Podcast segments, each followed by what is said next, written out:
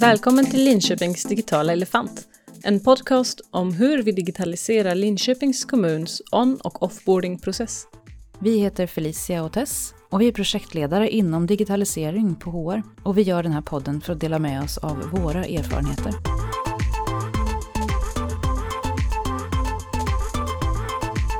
Och dagens avsnitt kommer att handla om hur man kan tänka kring bemanning av digitaliseringsprojekt. Vi kommer börja med att tala om hur vi upplevde det och sen kommer vi gå vidare med att tala med personen som bemannade vårt projekt för att få två olika synvinklar på just det här temat. Men om vi börjar från början? Det kan vi göra. Jag tror i början så var jag ju ensam projektledare och på något sätt så lyckades vi ju bli fler. Mm. Vi blev två projektledare. Det började med Felicia på väldigt få procent. En slags teststart, vilket är helt okej okay att göra i projekt tänker jag. Kolla om det håller att göra ett projekt av överhuvudtaget. För du gjorde ju en förstudie i början. Yes, precis. Och sen konstaterade man ju då att go for it. Kör, det här verkar bra, vi satsar. Och då kontaktade man eh, verksamheten kan man säga, för du kom från IT. Ja, jag tror faktiskt att du var med väldigt mycket tidigare än vad i alla fall jag förstod att det var ett Go-projekt Go. Mm. Och jag förstod inte att det var någonting gjort eh, månaderna innan jag ens kom in. Eh, så det var lite rörigt mm. i början. Ja, precis. Det fanns ju någon gammal sammanställning på hur den här processen som vi skulle digitalisera gjordes och jag gick igenom den och sen intervjuade jag lite och mm. fick lite så här koll på vad som hände och så sammanfattade jag. Men jag hade ju inte riktigt förstått vilken process det var så jag sammanfattade tre olika processer mm. varav vi tittar på en. Mm. Och så blev jag meddragen på möten som handlade om? Ja, det är en bra fråga. Jag minns inte början. vi kan ju helt enkelt knyta an till vårt första avsnitt där vi pratar om hur rörigt det var i början. Mm. Ja, vi hade ju inte riktigt koll på vad vi höll på med och alltså hur man gör det hela. Mm. Och i början tror jag inte heller vi hade någon projektledare, för den personen från IT som var tänkt vara projektledare hade väldigt mycket och har fortfarande väldigt mycket att göra. Så att han kunde aldrig riktigt ta sig an det. Så på något sätt blev jag då satt som projektledare. Mestadels för att jag var efterfrågade vem är projektledare och det är kanske några fler som har märkt att om man frågar om vem gör det här så får man väldigt ofta någonting i knät. Precis. det är helt sant. Um, ja, men sen drog det igång i alla fall och eh, pratade bemanning så som sagt vi, vi jobbar ju med PM3 i, i det här och det innebär att du har någon, någon från IT och någon från verksamhet. Så när verksamheten kom in i det hela så kom mm. jag in i det hela hängde inte heller riktigt med på varför jag kom in i det hela, men tyckte det var jättetrevligt. Och sen var det då det här egentligen så ska projekt ledas av verksamheten. Verksamheten ska driva projekten, IT finns också med lika mycket som stöd, men det ska alltid drivas av verksamheten. Eh, där tyckte vi annorlunda. Där tyckte ju vi då en från verksamheten här och en från IT att eh, varför inte köra det här ihop? Mm. Vi kan ju helt olika saker och vi har ja. lika lite tid båda två i början. Ja, verkligen. I början, jag vet inte, jag fick ju först faktiskt lösa lite tid. Mm. Du blev ju satt på projektet på typ 20 procent ja, utöver 100 Jag hade inte 20 procent tomt utan det var gör det här och så löser vi. Mm. Vi friar upp din tid efterhand. Um, Vilket skedde? Ja, det skedde. Det gick, det gick väldigt långsamt. Uh, men det, det skedde. Men vi, en jättestor lärdom i det här är ju också då att om du bemannar ett projekt med en person säger att den personen ska driva projekt 50% se då till att den personen har 50 fri tid i sin tjänst. Mm. Så att, för annars blir det här skött med vänsterhanden eller någonting annat kommer i skymundan. Precis. Och det är också, tror jag, lite därför jag hängde kvar som projektledare i början. För att det fanns egentligen ingen annan som hade tid. Och jag hade börjat i kommunen ganska nyligen innan så att jag hade inte jättemycket annat. Men sen så lyckades det ju växa ihop och då blev det ju att vi bestämde oss för att köra vidare med två projektledare. Mm. Och vi ser ju det här om och om igen, även på andra projekt. Mm. Eh, vi driver ju otroligt många digitaliseringsprojekt. Vi har kontakt med väldigt många olika kommuner och även privat sektor. Där man ser att någon driver ett projekt men de känner att man gör det utöver sin ordinarie tjänst. Det är tufft mm. om vi pratar arbetsmiljö och resultat så blir det ju inget bra heller. Nej, verkligen. Vi maxar folk som redan har ett fullt uppdrag. Så det är intressant ur bemanningsperspektiv, tycker jag. Skapa tid och även förutsättningar och vi pratar kompetens också. Det kanske inte är den person du tänker på som är bäst för ett projekt utan för det är olika mellan alltså kompetens och kunskap om man nu ska jämföra det. Du kan ju ha någon som varit projektledare fyra gånger innan. Jättebra, men har de rätt kompetenser för det hela? Mm. Alltså är de förändringsbenägna eller flexibla eller vad det nu kan krävas för egenskaper i projektet?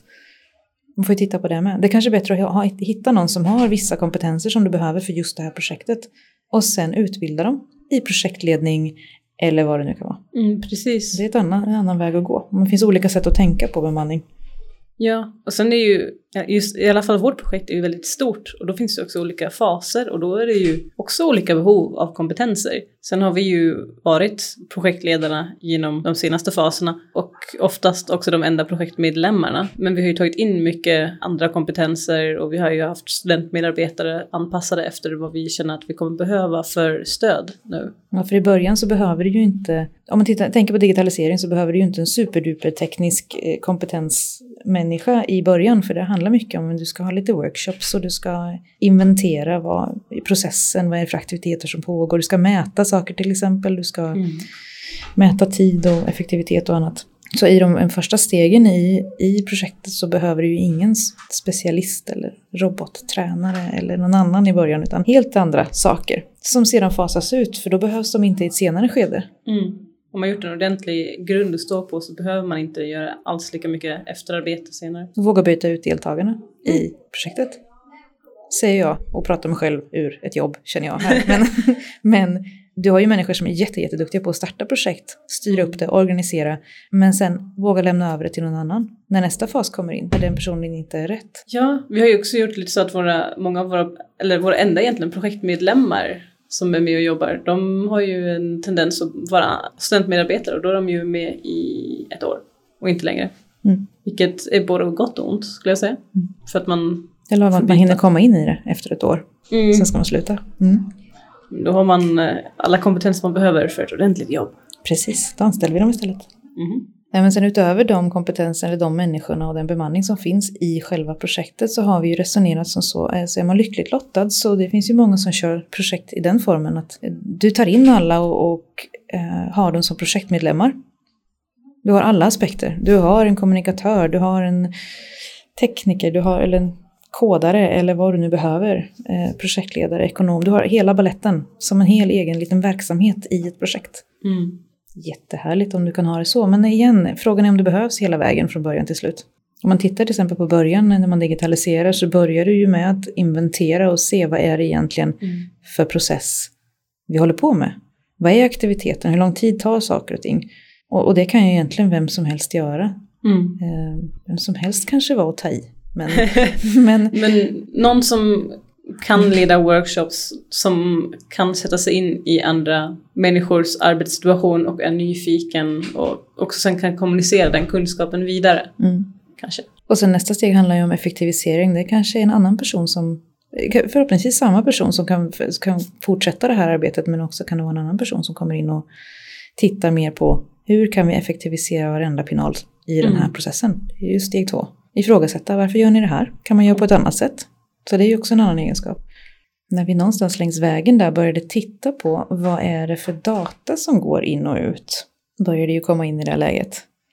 Då kan det bli lite lurigare, då behöver man någon som förstår det konceptet, som, som har lite mer tänk på kopplingar mellan system. Inte nödvändigtvis sådär super, super specialist, men bara lite ett annat tänk kommer in där mm. helt enkelt vad är det för data, var kommer den ifrån? Till exempel om du har, ta någonting enkelt, ska göra en blankett till en e-tjänst och då har du, du har förnamn och efternamn och sen har du ett, en titel till exempel på en tjänst eller någonting annat, du har en underskrift här borta.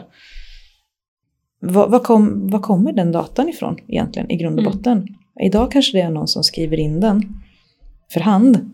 Men skulle man teoretiskt sett kunna hämta den någon annanstans ifrån, till exempel om du har ett anställningsbevis, Finns den informationen någonstans innan i rekryteringsprocessen? Ja, den finns i rekryteringssystemet. Bra, då vi, kan vi hämta datan därifrån. Ja, men var ska den någonstans då? Jo, den ska till 48 olika ställen efteråt. Ja, men det kanske är ett system där den kommer lagras senare och då kanske det systemet kan föda de här 48 mm. andra systemen. Mm. Så är det lite tänk där när man tittar mm. på data in och ut helt enkelt från det man håller på med. Så där behöver man lite annan.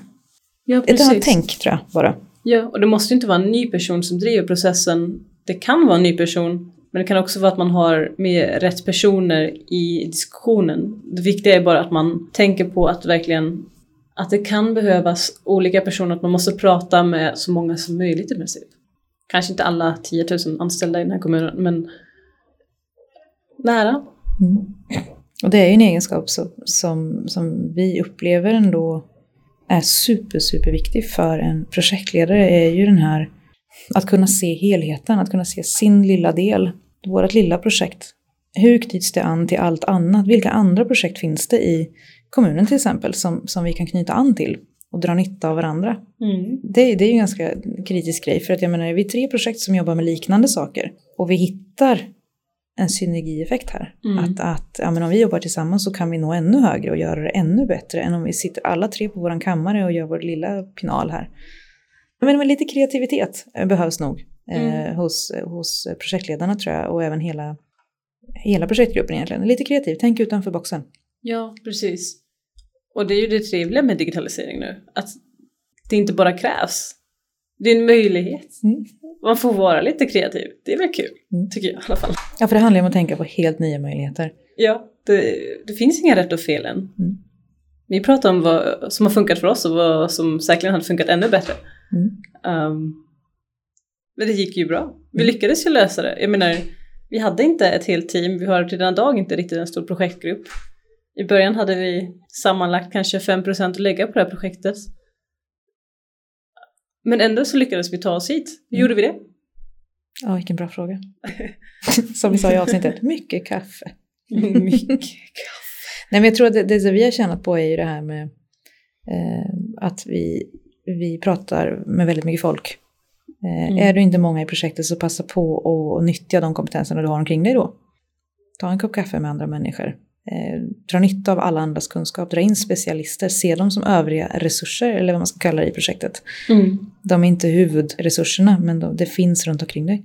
Vi har ju haft väldigt stor tur i det att vi har väldigt lätt att ta oss in i verksamheten och på samma sätt har vi väldigt lätt att ta oss in på IT-avdelningen så det är inte ett stort, det är inte två olika delar, det är väldigt lätt att kommunicera med båda delarna. Mm. Det hade ju varit mycket svårare om vi nu om varenda liten pinal vi vill fixa eller diskutera hade varit att vi måste boka upp en expert. Mm. Nu kan vi ju gå och knacka och säga hej, vill du ta en kopp kaffe? Mm. Men vi har också klivit utanför våra egna förvaltningar eller våra egna avdelningar genom att kontakta ja. folk och säga hej, har du 15 minuter för en kopp kaffe? Vi är intresserade mm. av att höra vad du kan. Och varenda människa har ju sagt ja. ja. Och vi har lärt oss massor och oftast suttit över 15 minuter. Jag tror inte vi någonsin har suttit 15 minuter. Nej. Det är ju, jag menar, vi har svårt att hålla oss till en timme mm. ofta. Men det är ju en annan sak, då får man ju göra så. Ja, precis. Men det är ju, man var tvungen att vara lite modig, kände mm. jag i mm. början. För du ringer en okänd människa som inte har en aning om vem du är. Och du mm. har hört att den här personen kanske troligtvis, eventuellt, förhoppningsvis är duktig på det här som du söker. Mm. Så det är en vild chansning. Ja. Men folk blir ju väldigt, väldigt glada. Verkligen. Sen är det ju också återigen det här att om man frågar efter saker och vänder på stenar, man hittar ju mer och mer grejer. Så att vi har ju behövt begränsa oss flera gånger men väldigt ofta har vi ju hittat många bra lösningar och 15 miljoner till frågor. Så Precis. det fortsätter ju bara, det är ju ett garnnystan med många knutar. Mm.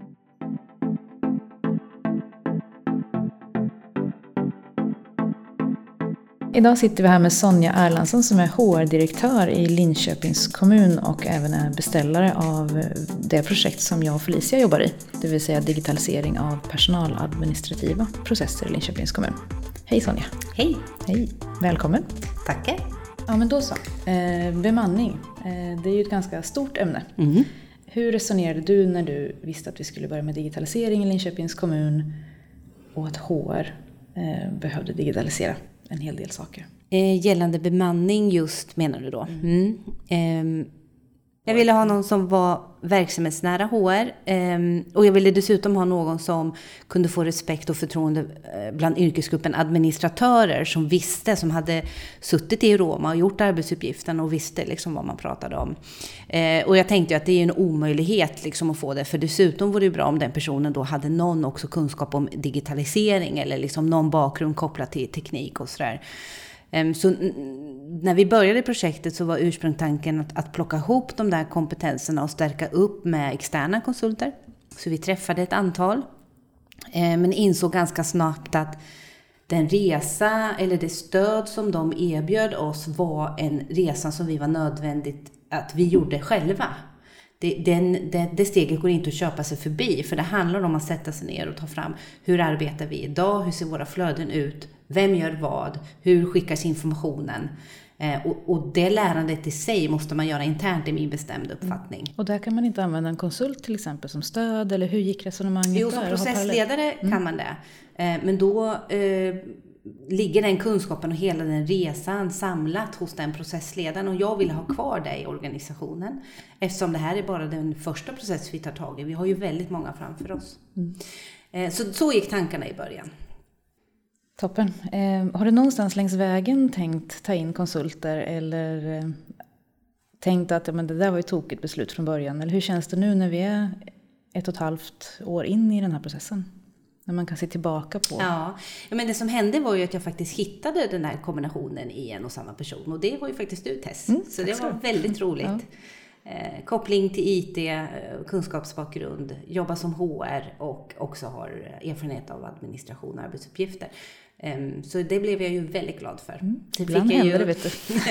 jobba lite på att övertala din chef, men hon är duktig på att sätta på sig den stora hatten, så det gick bra. Precis, vi brukar säga ta på sig vuxenbyxorna och se till helheten. Mm.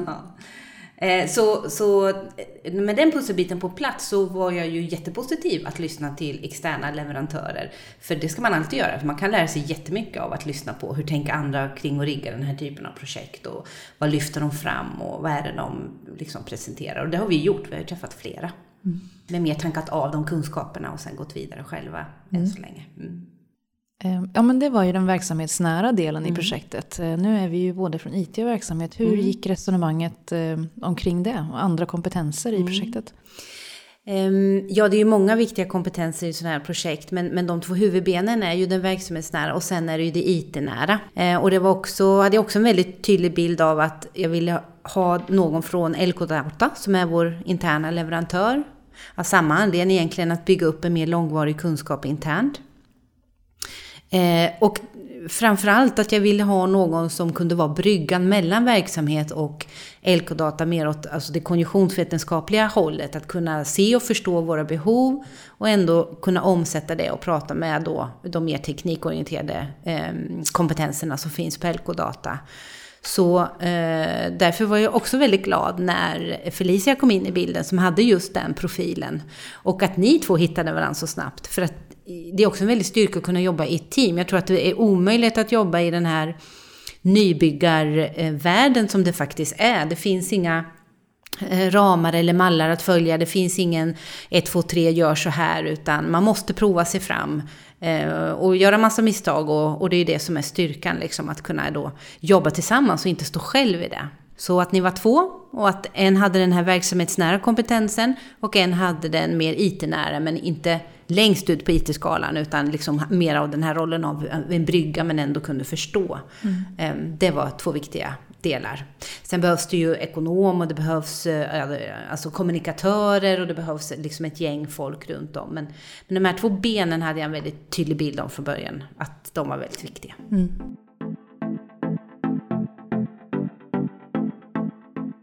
Tack så mycket till Sonja Erlandsson, HR-direktör i Linköpings kommun, för att hon deltog i detta avsnitt.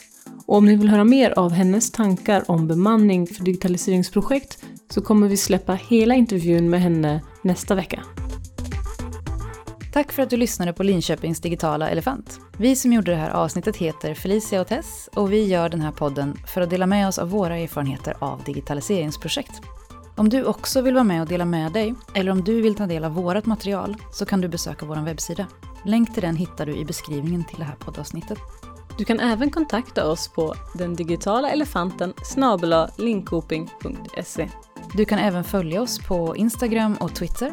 Där hittar du oss under namnet Linköpings digitala elefant.